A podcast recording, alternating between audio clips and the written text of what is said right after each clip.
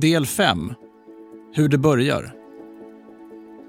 Eh, så det, det finansiella systemet, pengarna, inflationen, ekonomi fanns hela tiden närvarande. Lite grann som en skugga om du tänker. Och för min del så är det snarare nu när jag tänker på det efteråt.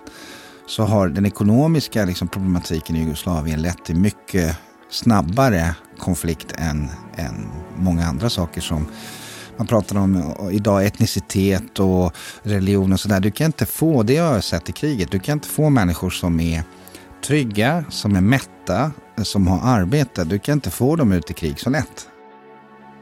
Det här är Sasha Beslik igen. Eh, under hela hans uppväxt mellan 1971 och 1991 så var inflationen i Jugoslavien i snitt 76 procent per år. Bara så här, supertydligt, en sån hög inflation har inte ett välfungerande land.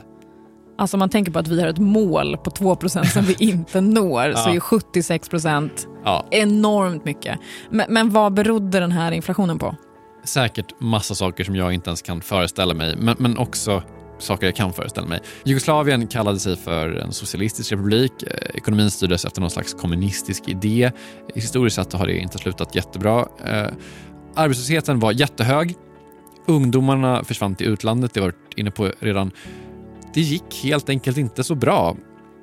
Bara värt att påminna om ifall man är ung och kanske inte har koll på det här. Men Jugoslavien på den här tiden bestod av massa olika republiker. Sasha minns hur de ekonomiska problemen eh, ledde till att landet började knaka i fogarna. Det är en resa, jag gör en resa, en sista resa vi faktiskt gör gemensamt i Jugoslavien med mina föräldrar ner till, eh, till kroatiska kusten och hela vägen ner till Montenegro och sen tillbaka. Och eh, vid den tidpunkten så har ju mina föräldrar checkhäfte som man hade i Sverige också för att kunna betala. För man hade inte med sig kontanter alltid. Och eh, min pappa var ju kund i eh, en kroatisk bank som eh, var, hade sitt säte i Kroatien och min mamma var ju kund i en bosnisk bank. Min mamma kunde checka in eh, sina checkar men min pappa kunde inte göra det. Eh, för de vill inte ta emot dem.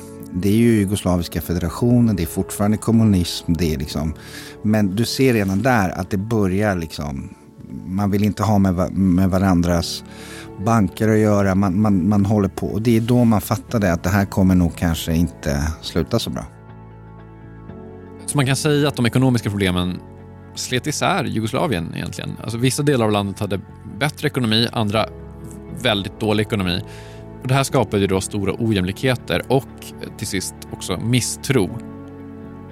Och det är ju ändå ganska lätt att tänka sig att det skapar jättemycket frustration om folk plötsligt så här diskrimineras ekonomiskt bara för att de har en bank från fel del av landet. Ja, i slutet av 1980-talet så gjordes enorma reformer av Jugoslaviens ekonomi. Man ville främja privat ägande av företag, man satte stopp för löneökningar, man skar ner på statens utgifter.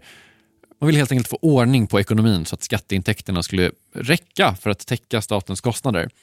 Och vid den här tiden så flyttar Sasha Beslik till Bosniens huvudstad Sarajevo för att läsa på universitetet. Han skulle läsa statsvetenskap och eh, journalistik bland annat.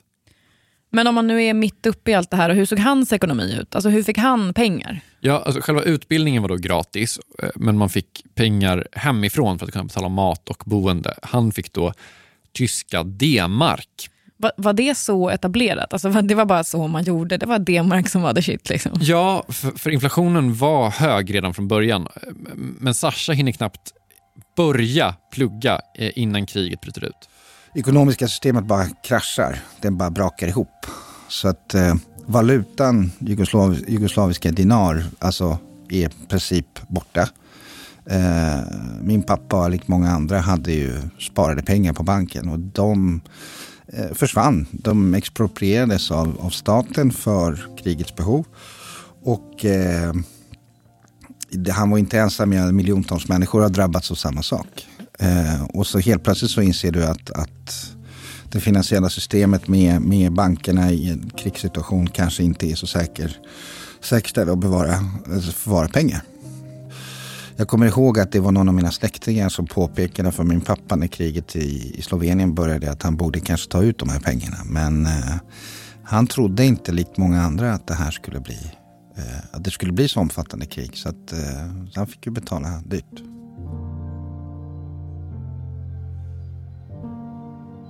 Jag vet inte, det första man kanske ska säga här är att krigen i Jugoslavien ledde till att över 100 000 människor miste livet och att miljontals människor tvingades fly.